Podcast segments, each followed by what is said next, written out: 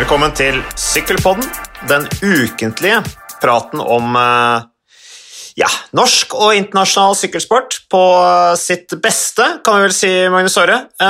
Vi går rett på sak. Eh, Så du Eschborn Frankfurt eh, på søndag, eller? Ja da.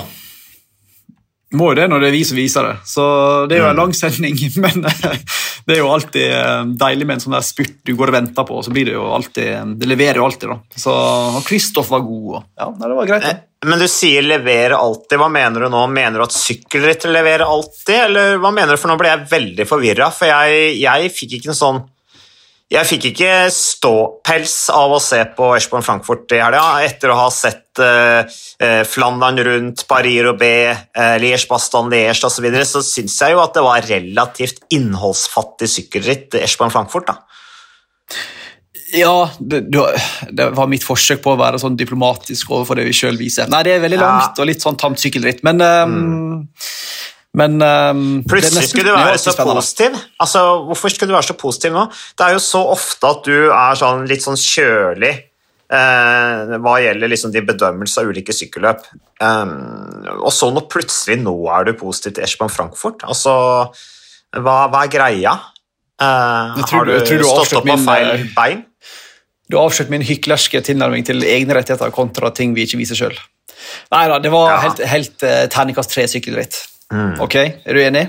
Ja, det var en eh, bra spurt, så, men det, det var jo bare så til de, altså, det, det var så, bare så til de grader at det kom til å ende i en spurt, og det er jo allerede før start så skjønte jo alle at det kom til å ende i en spurt, fordi at hvis du ser på lagoppstillingen der, så er det jo ingen som stiller med noen spesielt gode klatrere, Eh, og de få som har litt klatretalent der, de er jo der bare for å nøytralisere alle som eventuelt prøver å sykle fort i bakkene.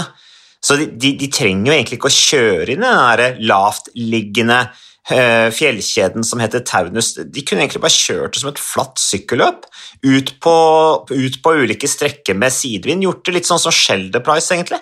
Det er min mening. Når de først Ja. har bakker der. Ja da. Den er bratt, den der eh, ene bakken i midten her, da. Eh, Den er Mabbolsheim, eller hva den heter den Ja. Eh, Men eh, ja, det er ikke veldig variasjon. da. Det er litt sånn flash for lån. Du veit hva du får til slutten, og så får du bare holde ut og drikke nok kaffe uh, fram til morgendag. Ja. Men du, du klarte å holde deg våken? Ja da, jeg klarte det. Det, det er ikke, står ikke så dårlig til. Nei, nei, men det er bra. det er bra. Åssen går det med deg nå? Altså, du er jo gressenke, er du ikke det? Enda? Jo da, stadig vekk. Så da har, du, da har du god tid til å se sånn litt langtrekkelige sykkelritt uten at eh, du får dårlig samvittighet. Det er jo fordelen. Mm. Eh, Hvilke sykkelløp har du sett eh, de siste dagene, forresten? Hva følger du mest med på nå? Det var jo eh, Romandie i forrige uke, som er jo Det var jo egentlig litt skuffende, for helt ærlig. Jeg syns det er et ganske kult sykkelritt, men det var litt sånn halvveis. Um, så vi går egentlig bare og venter litt på at uh, Giron, verdens uh, vakreste ritt i verden, nei, verdens hardeste ritt i verdens vakreste omgivelser, er ikke det jeg kaller rittet sitt, Ja, det gjør vel det. eh, skal begynne nå, til, eh, nå på fredag. Det blir, eh, det blir gøy. Men apropos eh, Romandie rundt, som i Som også ble avslutta på søndag, samme dag som Eschborn Frankfurt. Så Aleksandr Vlasov han bekrefter jo form, da. Han er jo litt spennende å følge med på nå, for han har jo hatt en helt nydelig sesong til nå. Han har jo stort sett bare vært uh, topp Altså, hva var det jeg, jeg noterte ned her? Altså, han har 21 topp 10-plasseringer og 13 podieplasseringer på 30 rittdager i 2022. Det er ganske imponerende. Så at han sto ø, øverst på pallen i Det var vel hans første World Tour-etapperitt han vant, uh, Aleksandr Blasov. Han skal vi følge litt med på med tanke på Tour de France. Jeg regner med at uh, russeren, som du har selvfølgelig kjører under nøytralt flagg, også har planer om å kjøre Tour de France. Han skal sykle Tour de France, eh, og jeg var litt overraska over at han var så sterk i de lang, lengre bakkene i uh, Sveits. Så um, at han tok Rowan Dennis på slutten der, det hadde jeg egentlig ikke trodd. Rowan Dennis som, le, som leder tidlig, så veldig sterk ut, men som kollapsa litt i um, skal vi si, var litt stygg å si kjent Rowan Dennis-stil. Um, Og imploderte litt der, så da ble det plutselig Vlasov. Men um, Ja, men er ikke det Ja. det eh, Dennis kunne få til, liksom? Altså, Dennis er jo ikke noe, han er ikke en ren klatrer, eh, og han, han gjorde han, han på en måte presterte veldig bra, men han er ikke bedre. Altså, at, han, at han får det på slutten mot Alexander Vlasov i et eh, World Tour etapperitt med så mye kupering, det er jo ikke noe overraskelse, det. Det er jo en grunn til at han er hjelperytter og temporytter, men med potensial til å kjøre bra i noen bakker innimellom. Ja, altså Han var jo tre sekunder bak på dagen før på toppen av et fjell. Eh, klatrer jo veldig bra når han er i slag. Så en Ja. bakketempo tenkte jeg, det er jo en perfekt avslutning for han. Ja, Men, men, det ble jo mye altfor tøft, da. Bare tenk hvor mye krefter han brukte da, dagen før ikke sant? på den prestasjonen. Ja, det med, ikke sant? Ikke sant? Det, det er derfor Rowan Dennis ikke blir en eh, etapperytter som kan være med å kjempe i treukersrittene, eh, og at derfor han sliter også når det blir flere dager på rad med veldig mye kupering. Du bruker for mye krefter. Han, kan, han kan ha dager innimellom hvor han kjører veldig sterkt i bakkene, men så betaler han prisen da når det er gjentagende eh, kupert etapper. Da. Eh, den der tempotappen forresten kjørte vel Jeg bare så en av disse statistikerne på, på Twitter. Det er litt morsomt da, å se, det er jo skikkelig på høyt nerdenivå, men det kan vi jo tillate oss her på Sykkelpodden. men Vlasov kjørte altså var vel 26 minutter den bakketempoen varte. Kjørte med 6,5 watt per kilo i snitt, men er da allikevel ett minutt bak da rekorden eh, opp denne bakken som starta i Egle, der hvor eh, UCI har hovedkvarteret sitt, som for øvrig Tour de France også skal inn i Egle i, i årets uh, utgave. Men uh, Egan Bernal, altså han har rekorden, uh, og Vlasov var ett minutt dårligere da enn colombianeren opp denne samme bakken. Så Men allikevel, Alexander Vlasov, absolutt eh, bra. Gino Medier bekrefter jo talentet sitt også med annenplass, men da er vi igjen litt tilbake til det, eh, Magnus, med eh, Simon Gerske, 36 år gamle tyskeren i Kofferis på tredjeplass, så kan man vel kanskje antyde at Romandie rundt ikke var høyeste nivå, Helt eller hadde det beste startfeltet. Helt enig. Altså, Fyren har ikke vunnet sykkelritt siden det er vel Tour de France. da. Etappen i 2015 han vant opp til um, Pralop, Eddie Merckx sin nemesis i 1975. Mm. Um, helt ut av det blå for meg, hvis du ser på resultatet til Simon Gerski, at han skulle altså, komme på pallen. Så det, var, det sa litt om nivået. ja. Det var, det var mange deler av store stjernene. Litt sånn tam sykling òg. Så jeg hadde egentlig trodd da i det selskapet at kanskje Andreas Leknessund skulle være enda litt lenger oppe i sammendraget. Ble vel nok en par og 30 eller et eller annet sånt. Ja, ja. Uh, så, men uh, Gerske det er tydeligvis ikke um, for seint, selv om du har blitt uh, 35-6, noe sånt. 36, ja. Så, 36, ja. Mhm. Han er veganer, han. Ja, Det syns jeg høres vanskelig ut når du er syklist, men det er Mm. jo absolutt mulig, tydeligvis. da. Jeg er helt enig, det må være utrolig krevende å være veganer når du er syklist og skal reise rundt på alle disse hotellmiddagene, eh, og ikke minst for laget hans. Altså, støtteapparatet til Simon Gerske må jo synes at han er en pain in the ass som skal være veganer. Altså, tenk deg hvor mye, mye vanskeligere det gjør jobben deres da, med å skulle lage lommemat og bestille mat og liksom sørge for at han har den maten han skal ha, når du har liksom Eh, det, det må jo være litt krevende. Men eh, han er jo tydeligvis en sånn bohemtype, han Gerske, da, så har jeg alltid oppfattet at han liksom er fin eh, fyr. Så, og det er jo liksom overbevisning. Det er jo noe sånn halvreligiøst over å være veganer, så hvis han er overbevist om at det er det riktige for han, kanskje det er det som er veien til suksess. Når han har, ser ut til å være på vei mot kanskje sin beste sesong i løpet av en lang karriere som starta allerede i 2008 som prøveproff i Milram. Ja, det er kanskje hemmeligheten. Eh, jeg tror ikke jeg skal skifte ennå eh, til å bli veganer, men eh, Nei. du står nå fritt, du. Du er litt mer fri sjel enn meg, så kanskje du, Mm. Du føler presset.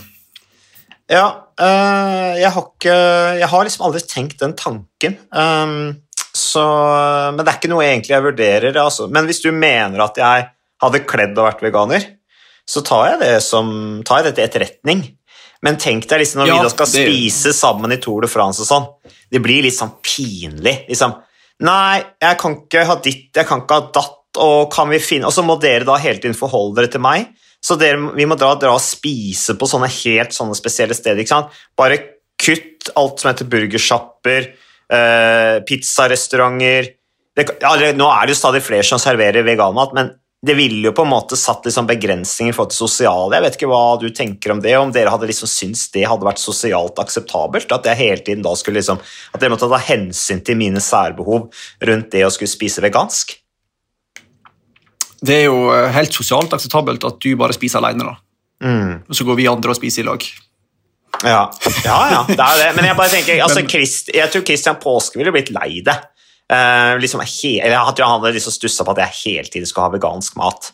Uh, og la oss si at vi da på vei til start ikke sant? så skal da finne noe lunsj, og så må vi da kjøre rundt overalt for å finne noe vegansk. Jeg, jeg tipper at det ville vært krevende, rett og slett. Uh, så Ja, med mm. deg i baksetet og kartlesinga til Skjelbæk i framsetet, så skjønner jeg jo på skal bli lei, da. Så det kan bli, det kan bli tungt. Ja, nei, så jeg tror vi bare skal være glad jeg, for at jeg ikke er veganer. Ellers så Eh, men, men ære være de som er det. Altså. Så, men det blir spennende å se på Gerske også i, i Tour de France. Jeg syns jo Coffedis de har liksom et litt sånn, litt sånn morsomt lag, tenker jeg, til, til, Tour de France. Et litt sånn lag hvor de kommer dit med ganske blanke ark. De kan alltids ha én eller kanskje to til og med, som får en ganske ok samla plassering. Men så kommer de bare til å være på offensiven og bare banke på i brudd på litt sånn halvharde etapper, og da har de jo en del å ta av ser det ut som, i den, eh, i den gjengen de har. Så, og Gerske kan fort være en mann han som er med og kjemper om en ny etappeseier på en hard etappe. Når du liksom passerer etappe 11-12, og det kommer liksom virkelig ned i varme nede i syd der, da er han gjerne i sitt ess. Gode, gamle Simon Gerske. Men litt tilbake til uh, Eschmann Frankfurt, uh, Magnus. Um, I og med at vi syns at det var et relativt sånn uh, innholdsfattig sykkelløp som jo endte etter alle uh, oppskrifter da, i en eh, samlet eh, spurt. Men vi må jo samtidig hylle Alexander Kristoff, som altså er den andre rytteren i historien med minst syv ganger på pallen på rad i samme endagsritt på høyeste nivå. Det må vi jo si er stort. Det er ganske sjukt. Det er mm. ganske sjukt. At han, altså, Å lykkes i en spurt på det nivået sju år på rad, nei, det er ganske ekstremt. da. Og så lover det jo bra, for uh, han har tatt lite pause nå, sant, etter klassikerne. Og så er du rett tilbake igjen, og så er du på et så høyt nivå. Det lover bra for resten. da. Så der har funnet knekt en annen kode i Antamarché. Det er ingen tvil om. Mm. Og eh, litt morsomt å se også Binyam Germay eh, ofre seg for eh, veteran, den norske veteranen på, inn mot oppløpet der eritreeren som har forlenget avtalen med Intermarché Vanti Group Gobert ut 2026 til en verdi av, eh, slik jeg så antydet, 9 millioner kroner i eh, året. Det er ikke rart eh, Germay måtte hjem til Eritrea og feire litt etter Gent Wevelgem. Nei, men det er jo, han hadde jo ganske god førstekontrakt også, på tre mill. i året. så det er jo... Mm. De har åpenbart verdsatt det talentet der, altså. Og med ni mil så han kunne han kunne sikkert fått mer andreplasser, men det er nå absolutt brukbart for en rytter som fortsatt er ganske fersk i, i gamet. Mm. Men det er jo enorm eh, markedsverdi for dem, så ni millioner i året det tror jeg er en god investering. Det tror jeg også. Han uh, fargerik person når det gjelder liksom, uh, av publikum, entusiasmen, engasjementet, at han er så ung. Han er den første uh, afrikaner som vinner en brosteinsklassiker. Det er klart Han får mye oppmerksomhet, han er en flott type. Uh, sitter fint på sykkelen, er jo råsterk, robust som bare det. Uh, og har jo også et altså det talentet hans. Jeg tror på en måte de kan få mye glede av det. Han takler veldig mye forskjellige arenaer. Um, så, så, det skal bli spennende å se. Uh, Inios var jo interessert i å signere, han sies det. Nå er vel interessert i å signere stort sett alle gode ryttere, uh, det er vel de fleste lag, egentlig. Men uh, man tror hva de eventuelt har bydd for han. Alex Carrera er jo agenten hans, samme agent som også jobbet med Thor Hushovd back in the days. Um, så ja, kanskje det er billig. Han jobber med Pogacar òg, stemmer det. Ja. Mm. Så, men um, Injos var vel også interessert i Vlasov, som vi snakka om. Det, men det er jo som du sier, da, klart verdens beste og største sykkellag de er jo selvfølgelig interessert i alle som er gode å sykle. Så mm. det ligger jo ikke nødvendigvis noe mer i det enn det. altså. De, uh, apropos Bore Hanskro og Vlasov. Uh, Bore Hanskro ville jo signere Thomas Pidcock, uh, og det var det som presset prisen så veldig opp på han. Men altså, hvis du sammenligner altså, Det sies jo fra ganske kilde ganske nær inni oss at han faktisk får 40 millioner kroner i året, Thomas Pidcock, og det er jo helt hinsides, hvis du da skal sammenligne med f.eks. Binyam Germay. da. Det er det jo. Det er jo på høyde med Peter Sagan i, på toppen av karrieren og Contador og Froome, som lå på samme summa. Så mm. det har tydeligvis ekstrem verdi for sykkellagene å ha den der eh, allsidigheten. At du er på forskjellige arenaer gjennom hele året. Klart det hjelper jo. Det er ikke mm. tre-fire måneders pause om vinteren. Du er jo synlig med Innios-logoen hele året. Mm. Så men han sliter litt med sånn, det er vanskelig å lese formelen hans, han sliter med det magetrøbbelet sitt om dagen. Så det er vanskelig å vite hvor du har Pidcock hver, eh, hvert ritt. Men nå blir det fort Tore Frans-banen, så det blir, eh, mm. blir spennende. Uh, hva gjelder det der magetrøbbelet, Magnus, så er jeg litt sånn usikker på hva som er problemet inni oss. Uh, først, Jeg, jeg, jeg oppfatta jo det sånn at uh, Thomas Pidcock har hatt på en måte litt det samme problemet. Det kan ligne litt med de, på de problemene Edvard Baasan Hagen hadde, med at han ikke tar til seg næring riktig og ikke sant, sånne ting. men i Liège-Baston-Liège var det jo flere av gutta som hadde mageproblemer. fra Ile brøt, du hadde Rodriges brøyt pga. mageproblemer. så det det må vel ha vært noe sånn virusgreier. Tom, uh, Garen Thomas hadde mageproblemer. Så de sliter med et eller annet i Team Inios, altså på tross av at vi har jo skrytt av de, eh, de siste, og de kjørte jo for, for så vidt greit i, i, i uh, Liège-Baston-Liège, uh, så, så, de er jo på en måte på vei litt opp igjen etter at det har gått litt tungt. Så vi får se. Mm. Men uh, apropos litt det historiske perspektivet her, Magnus. vi er jo litt glad i å Vi må jo hylle litt liksom de legendene internasjonal sykkelsport eh, og få med det historiske perspektivet. Ikke bare snakke om her og nå, men ikke glemme jeg vil ikke si forfedre, men på en måte sykkelsportens krybbe. Eh, der hvor utviklingen startet, de gode, gamle helter. Eh, og når vi snakker om Alexander Kristoff, med disse sju pallplassene på rad i samme endagsritt på høyeste nivå, så sa jeg at han var den andre rytteren i historien som klarte det. Og den første, det var jo da Constante Giardengo, som altså var født i 1893, døde i 1978, var proff bl.a. i Bianchi. Han hadde altså ti pallplasser etter hverandre i Milano San Remo. Eh, og eh, det klarte han da i løpet av altså Han syklet 15 utgaver eh, og vant da seks utgaver da, av, av dette vårrittet mellom 1914 og 1933, monumentet som det jo er blitt. Hva vet du om Giardengo, Magnus, du som tross alt er litt sånn his historienerd? uh, nei, han er jo I italiensk sykkel snakker han ofte om uh, disse her campionissimo, altså mm. en, en copy, Bartali Disse her um, campionissimo som betyr da mester av mester, mesternes mester, for så vi kaller det på godt norsk. Constante Giardengo var den første av dem. Han var den opprinnelige Campionissimo, mm. som liksom kom før Alfredo Binda og, og disse andre store. Uh, Liarco Guerra. Vant til italienske mesterskapet alle de ni gangene det ble holdt, tror jeg, mellom 1912 og 1925 eller et eller annet sånt. Mm. Så han eh, er jo gudfaren i sykkelsporten i Italia. Så mm. han eh, var forut sin tid og lever fortsatt på folkemunne i Italia. Han gjør det uh, gjennom denne her uh, sangen, uh, Il bandito e il campione av Francesco di Gregori, som da sammenligner i den låten, eller i den, i den sangen, altså sammenlignes livet, slik jeg oppfatta det i hvert fall, sammenlignes da livet til syklisten Girardengo da med, med en banditt, en italiensk kjent kriminell som het Sante Polastri så der er han udødeliggjort gjennom den sangen. Og i tillegg da, så var det faktisk et eh, motorsykkelmerke i Italia som hadde en modell som het Giardengo. Og det ble jo også sagt at på det mest populære så var da denne italienske, altså På 1920-tallet så var han altså mer populær enn Mussolini. Skal ikke så mye til, spør du meg, men allikevel. Ehm, det var en litt annen tid.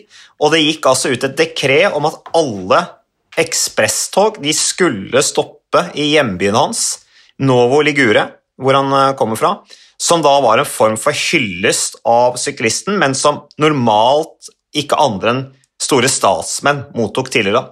Så Det sier jo litt om eh, Giardengo, som også har en annenplass fra VM. Det var på Nürnbergring i 1927, da det italienske tok de fire første plassene med bl.a. Alfredo Binda.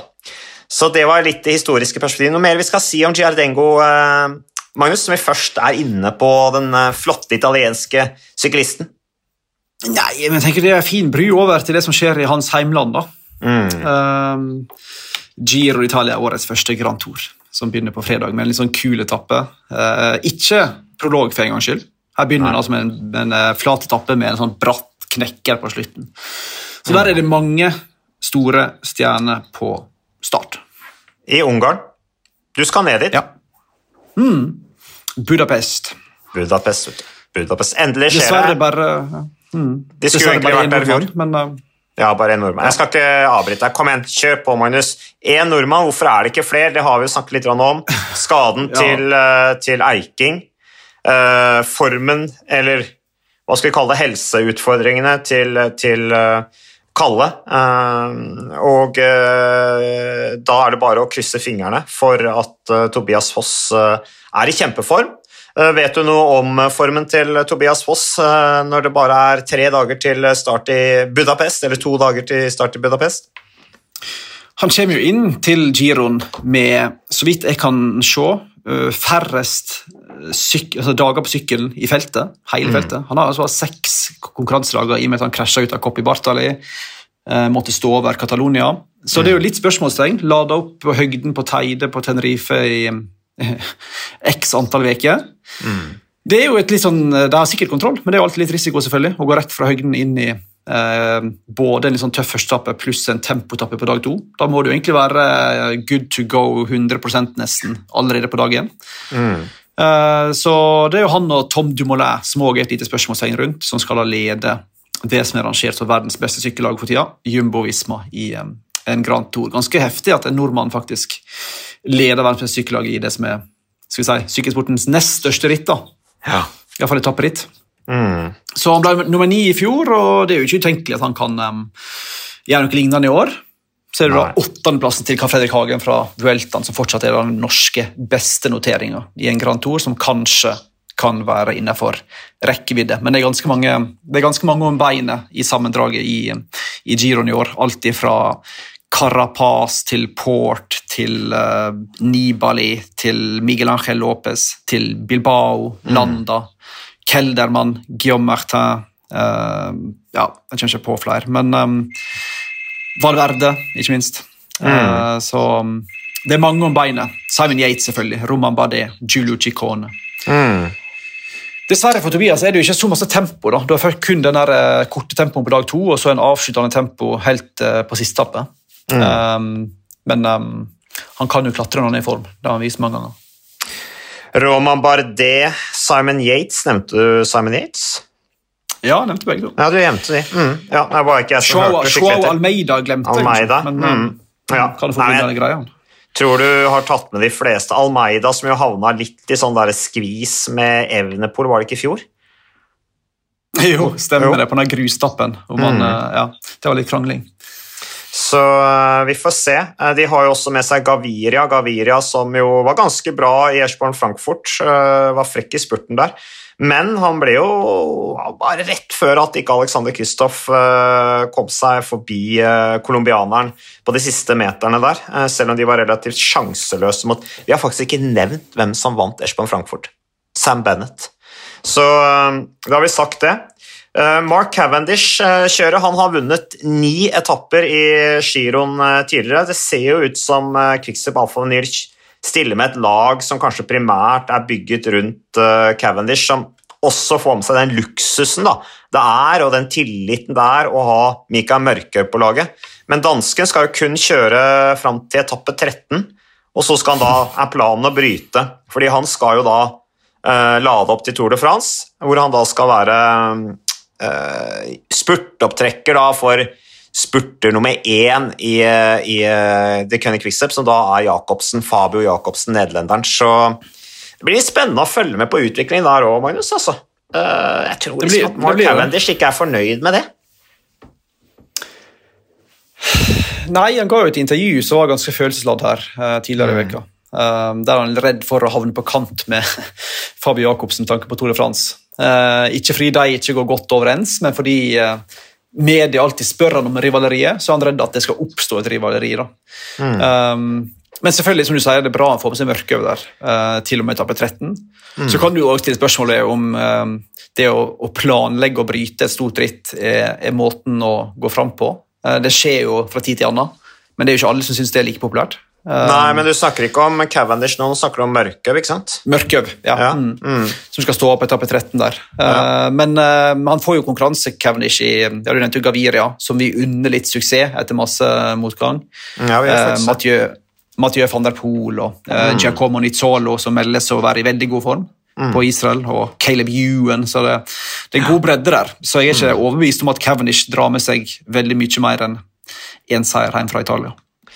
Uh, jeg nevnte at Cavendish uh, har ni etappeseiere. Han har ikke ni, han har 15 etappeseiere i giroen og vant altså poengtrøya i 2013, så han uh, har gode minner derfra. Um, men Arno Demar, nevnte du han? Nei, han eh, Nei. glemmer ofte. Han er jo en fyr som er lett å glemme av og til. ja, Særlig fordi at prestasjonene hans i det siste har jo vært på en måte litt sånn at du ikke helt har, har lagt merke til han. Uh, han er jo, mm. Du nevnte Gaviria, liksom at vi unner han. Vi må vel nesten kunne si det samme om Arno Demar. Hvor mange var det han vant den der høstutgaven av Giron? Var det fire eller fem etapper han vant da? Ja, jeg tror han vant fem, ja, fire, tror jeg det stemmer. Han har fem mm. totalt, ja. Veldig sympatisk type, da, både han og Gaviria. Så begge mm. to eh, kan vi unne litt suksess. Og så er han sånn nedgradert da, når han eh, ble sendt til giroen. og det er vel, Jeg har ikke sett at det er noen planer om at han skal kjøre Tour de France. Har du det, eller? Nei, det delte vel opp motsatt, da, som i forfjor. Altså At Pinot nå skal Tour de France, og så skal Demar ta Giro. Så han var mm. ikke bare happy med det, nei. Men, nei. Um, men det er forståelig, da. Han har egentlig aldri levert sånn superbra i Tour de France, selv om han har et par etappeseiere vel fra mm. noen, år, noen, år, tilbake.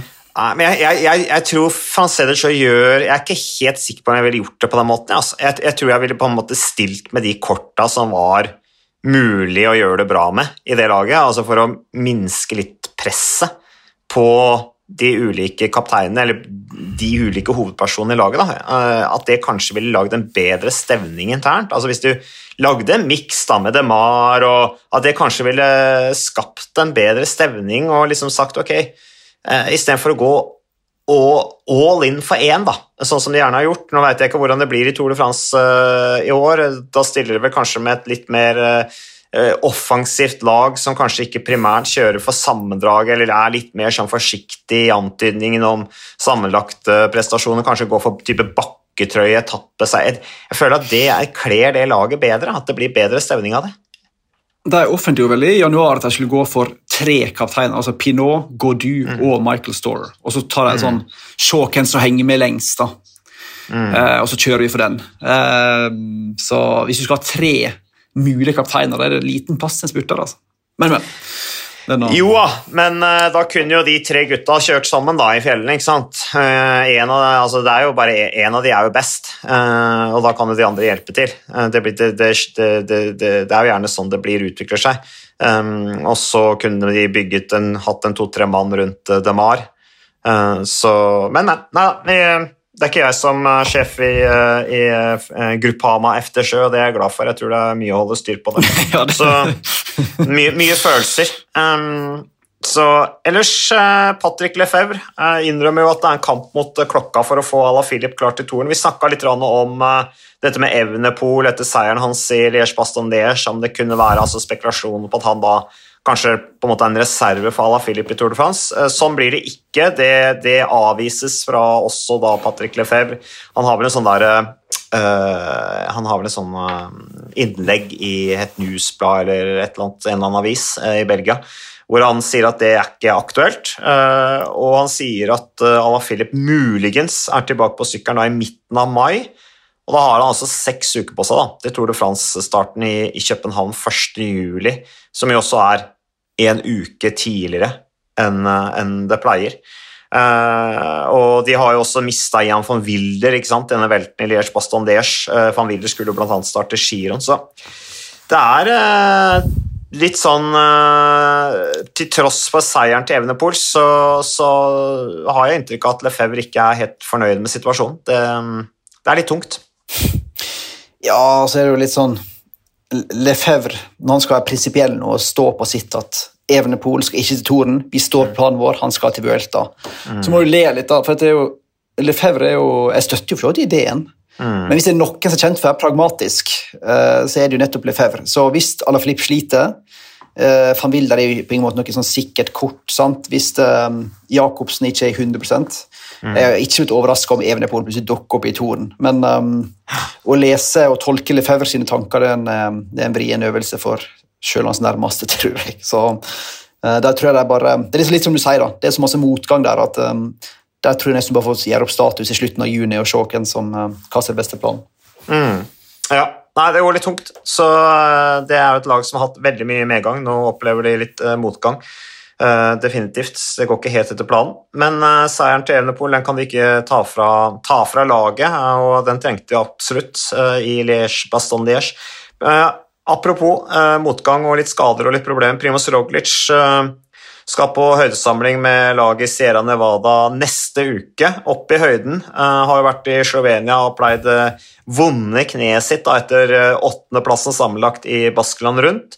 Og Da skal han også opp til Sierra Nevada Eh, og trene med Vingegård, van Ert, Kreuzberg, Køss, Dennis og Benot, i tillegg til van Hooydonk og Tøynissen, som skal være med på den samlingen. Eh, og Benot er vel, eh, tror jeg, kommer til Eller de antyder jo at det ikke er noe overraskelse om Benot er med i Tour de France-oppstillinga. Og så blir det jo spennende å se da, om det blir van Hooydonk, Tøynissen eller han franskmannen eh, med Laporte, som, eh, som eventuelt eh, får de siste plassene på et meget sterkt Jumbo Visma-lag til Tour de France. Ja da, de har kanskje, kanskje det beste laget på papiret. Iallfall mm. sammenlagt laget. Så um, det blir jo UAE mot Jumbo fort i, i Toren. Um, men litt sånn spent på, på Roglic. om eh, Det er ikke ofte han er skada. Vi får se hvordan det går. da. Det, det var snakk om at de ikke ville legge eh, hvordan skal vi si det på norsk, full vekt på det beinet før var det midten av neste uke. Eh, så har det mm. gått noen uker. Men de har sikkert kontroll. Vi får tro de har eh, kontroll på det kneet. Ellers så, Det er ikke enkelt å bare få bare, bare få Vingegård og skulle dra til Tor Fransen og kaptein i så fall, hvis Roglic skulle være skada. Nei. Den vanskelige Men... andre sesongen. Den vanskelige andre sesongen Jeg tror for så vidt at Roglic han har såpass bra grunnlag, eh, og han har jo ikke ligget brakk. Eh, for det første har han kjørt Baskeland rundt, ble nummer åtte sammenlagt der. Eh, så da har han på en måte Han har jo fått masse matching og masse kilometer og masse konkurranse og alt dette her. og, og greit nok at de kanskje ikke vil presse han for hardt i den perioden han har vært i nå etter Romandie rundt før han skal på denne samlingen til Sierra Nevada, men han, han, har helt sikkert holdt seg litt i gang. Han har ikke, han har ikke vært inaktiv, tror jeg. Uh, og han har helt sikkert hatt godt av uansett en, en liten pause før han da topper formen mot uh, Tour de France uh, og den, den, tøffe belastningen som venter der. Og med det grunnlaget han har over så mange år med beinhard trening og konkurranse, så, så har jeg fremdeles veldig troa på at Roglic kan komme i form. han må jo være 100% skal han klare å matche på Gashar i, eh, i, Tour de France. Så det blir spennende å se. Disse to landsmennene som skal knive om gule trøya der, det blir jo det blir show. Men uh, vi, det vi ikke snakka om angående Italia rundt, uh, Magnus, hvem er din favoritt til å vinne sammenlagt der? uh, ikke Mikkel Landa, iallfall. Uh, jeg tror um, Jeg tror det blir Almeida eller Carapaz. Um, jeg holder kanskje en knapp på Carapaz i og med at løypa synes den favoriserer han ganske bra. Sterkt lag rundt seg, med alt fra Richie Port til Narvaez, Sivakov, uh, Castroviejo. Enormt lag. Ja. Jeg tror uh, Ineos fortsetter den gode, gode stimen de er inne i, og vinner uh, Giroen enda en gang. Mm. Ja. Du, da? Eh, jeg, også, jeg, ble spurt om det for noen dager siden, og da svarte jeg også Richard Carapaz. Uh, litt sånn uh, Jeg var litt sånn uforberedt på spørsmålet, og så ble jeg spurt hvem jeg trodde kom til å vinne giroen, og da sa jeg Carapaz. fordi jeg sa Carapaz burde nok egentlig vært i Tour de France. Han er kanskje det beste kortet Inius har til Tour de France, men det sier noe om at de er litt sånn slått på forhånd i Tour de France når de sender han til giroen. For noe må de jo vinne, og det henger høyt å vinne en Grand Tour. Og det er det sterkeste kortet de kanskje har. Det er nettopp Carapaz. Så, så jeg tror han vinner kiloen. Ja, du så jo i fjor, Han ble med tre i Tour de France, men det var jo, ble jo likevel opplevd fra utsida som en nedtur for Ineos. Så, så det er sikkert like lurt å bare satse på å vinne giroen istedenfor en tredjeplass der. Mm. Ja, så det, så det. I fraværet av en, eh, av en rytter som har kapasitet til å utfordre Pogasjar særlig, og også forhåpentligvis Roglic, så, så, så ble det sånn. Men Hva eh, tror du Foss kan få til, da? jeg tror han kan eh, bekrefte den eh, topp ti-plasseringen i fjor med å ta en ny topp ti-plassering, det tror jeg. En, en sjuende, åttende, sjette, sjuende, åttendeplass tror jeg er mulig. Så, men, men det, det er som du sier, vi, vi, han har ikke konkurrert på lang tid, men jeg, jeg har veldig sånn, tillit til at Tobias Foss er god til å forberede seg. Eh, og, eh, og forhåpentligvis så holder han seg unna trøbbel med vel og sykdom og skader. Eh, Så det hadde ikke vært, ingenting hadde vært mer gøy i hvert fall, enn om han klinka til og tok en ny topp 10-plassering, men da tror jeg han vil være på Tour de France-laget til Jumbo Visma neste år som hjelperytter. Så, men det kan, være, det kan være riktig karrierevei det for, for Tobias Foss. Hva tror du? Jeg er egentlig enig med deg for en gangs skyld. Um, Du sier, det, du sier det alltid, Magnus, for en gangs skyld. Men det, jeg syns det bare gjentar seg stadig oftere at vi er enige. Ja, vi er kanskje det. Ja. Jeg tror eh, ja, en, en sjuende, åttendeplass Det er såpass sterkt felt. Jeg tror masse Jeg tror det er vanskelig å, å slå Carapaz, Almeida, Yates, uh, Miguel Ángel Lopez, som nevnte der. Men Mm. um, jeg tror en sjette, sjuende og åttendeplass kan være innenfor rekkevidde. Ja. Det tror jeg. Som er kjempebra. Det er jo åttendeplassen ja, til uh, Kalle eller Karl Fredrik Hagen da, som er beste plassering i treukersritt i nå med åttende. Det sa du vel kanskje i begynnelsen av podden, gjorde du? Jepp. Gjorde du det? Ja, ja, nevnte det. Ja, jeg lider av korttidsminne, altså. Der. Er Men uh, Magnus, uh, litt kjapt nå til siste nyheter. Vi liker jo litt overgangsrykter, og det er litt morsomt at det er allerede i gang. ikke sant? Allerede nå på våren, altså rett etter klassikerne, så begynner overgangsryktene å gå. Og Jumbo Visma er da altså interessert i unggutten Tymen Arensmann, som jo ble to bak Pogasjar i Tour l'Avenir i 2018. Eh, Det ryktes også at eh, samarbeidet med Dylan Tøynes og Bahrain ikke er på topp, og at en kontraktsforlengelse derfor drøyer mellom de to partene fordi at Dylan Tøynes ikke passer inn i lagets filosofi. Eh, Og Lotto Sodal og, og Intermarché, særlig de to lagene, da, er eh, på jakt etter Dylan Tøynes. Eh, Har du hørt noe om det, eller? Nei, men det blir jo litt sånn Har Bahrain en filosofi Nei, jeg tror ikke det, egentlig. som jeg ikke kjenner til? Nei, jeg vet ikke. Nei, det kan hende han er vanskelig å samarbeide med. for alt jeg vet. Men eh, han vil jo ha nok eh, beilere der ute. han da. Det står en frier eller to i garden til han. Uh, Timon Arensmann også ville jo vært en kanonsignering. Ja. Kjempetalent, allsidig. Eh, så hvis DSM makter å miste enda en av disse diamantene, da må du nesten uh, granske det eksternt. etter søren, altså. Men det, det, det vil jo være brutalt for de som driver med talentutvikling og trening i laget, om til og med han òg skulle forsvinne. Det er en av uh, framtidsjuvelene til DSM. altså.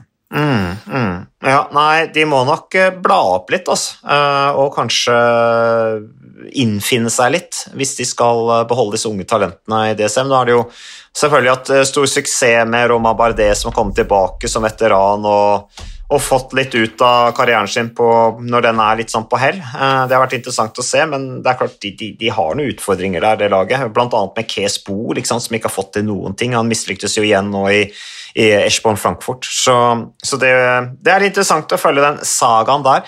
Eh, Jan Trattek, apropos slovenere, eh, er også visstnok på vei til Jumbo Visma da, fra neste sesong. Um, ble jo tolv i Amstel Gold Race og nummer tolv i Flandern rundt. En, en fantastisk hjelperytter, apropos Bahrain Victorious. Han er jo der i dag. Um, Pass, landsmann passer eller ikke inn i filosofien, han heller. Nei, passer ikke inn, vet du. Du har jo han her prinsen vet du, nede i Bahrain. Jeg tror ikke han alltid er så lett å forholde seg til også. Så jeg vet ikke hvor mye han er med og styrer i kulissene der, men at han er i hvert fall ikke mors beste barn. Um, denne prinsen ikke jeg vet uh, navnet på, husker ikke navnet på han, men uh, han er i hvert fall ikke så opptatt av menneskerettigheter. Det har vi fått vite om. Det er helt klart. Mm. Men Tratnik som du sier, ville vært det ville vært en kjempesignering. Han har tatt store steg siste åra, syns jeg. Så, god, god klatrer, god på tempo. så, og er ut, på utgående kontrakt. Så det tror jeg Roglic hadde satt stor pris på. å få han i. Mm.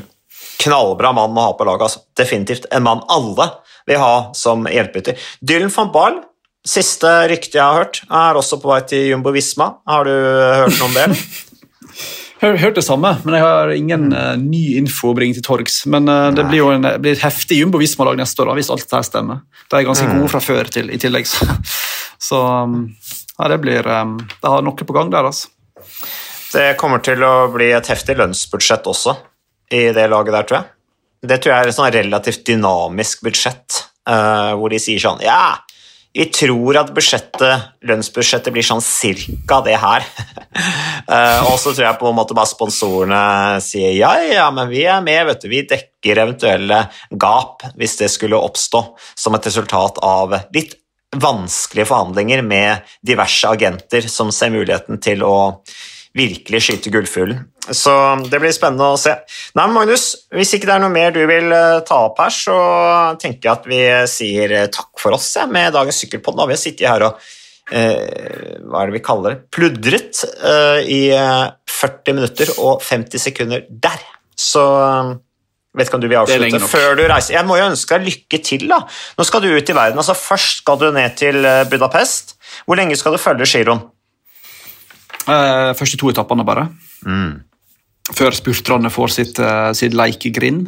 Så, ja. Men det er to viktige etapper for Tobias, da. så det er derfor, derfor vi er der. Mm. Og så skal vi videre til Slovenia et par dager. Så da skal vi besøke litt sånn ja, kjente og kjære slektninger sånn, til uh, Pogacar og Roglic. Så får vi prøve å bli litt bedre kjent med disse mytiske slovenerne som har tatt over sykkelherredømmet. Mm. Mm. Finne, finne hemmeligheten. Dere skal, dere skal, liksom inn i dalstrøkene der og finne kilden. Granske. Men the holy mm. grail. Mm. Ja. Det, blir, eh, det, gleder vi oss til, Magnus. Eh, vi, hvor lenge skal du være borte ute og reise, sa du? Totalt blir bare ei uke. Mm, ok, ja, ja. Men det er jo eh, lenge nok, det. Så kan vi jo holde kontakten og se om vi kan få en liten rapport fra det store utland. Ja, jeg har jo dekning i utlandet òg, så det er mulig at vi kan mm. klare å holde kontakten i løpet av den veka. Ja, Så det er internett i Slovenia, eller? Ja, jeg tror det. 3G. Mm. Ja. Ja, ja, men det funker, det. Funker det. Um, men det er that's it? Du skal ikke lenger enn til Slovenia? Uh, nei, skal vi gjøre London òg på vei hjem der, men eh, det er noe annet, annet ja, businessrelatert. Ja, stemmer det. det er, ja, mm. mm. Riktig, riktig. riktig. Nei, men det er bra, Magnus. Nei, men Da ønsker jeg deg riktig god tur, og så takker jeg uh, Vil jeg også bare si at det er Ringerike Grand Prix og Sundvolden Grand Prix uh, i helgen. Vi antar jo at de, de, få lytterne vi har på Sykkelpodden, det er, må jo være noen sånne erkesære sykkelfolk som jo tenker at ja det kan vi bruke helgen vår på. Reise og se på Ringerike Grand Prix og Sundvolden Grand Prix. Jeg har faktisk tenkt å gjøre det sjøl.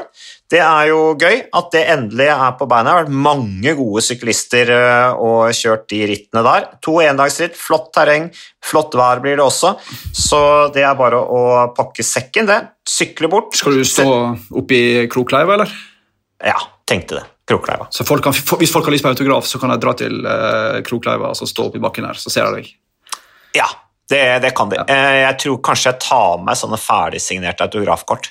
Sånn at det ikke tar så mye tid. Og så bare ja, setter meg til på et sånt lite bord eh, med en stol, og så kan folk bare komme, så skal jeg signere Enten bare dele ut de kortene jeg har, da. Det er en veldig sånn grei måte å gjøre det på. Så det Nei, men bra. Eh, da snakkes vi, Magnus. Takk for innsatsen, og så er vi kanskje tilbake igjen neste uke.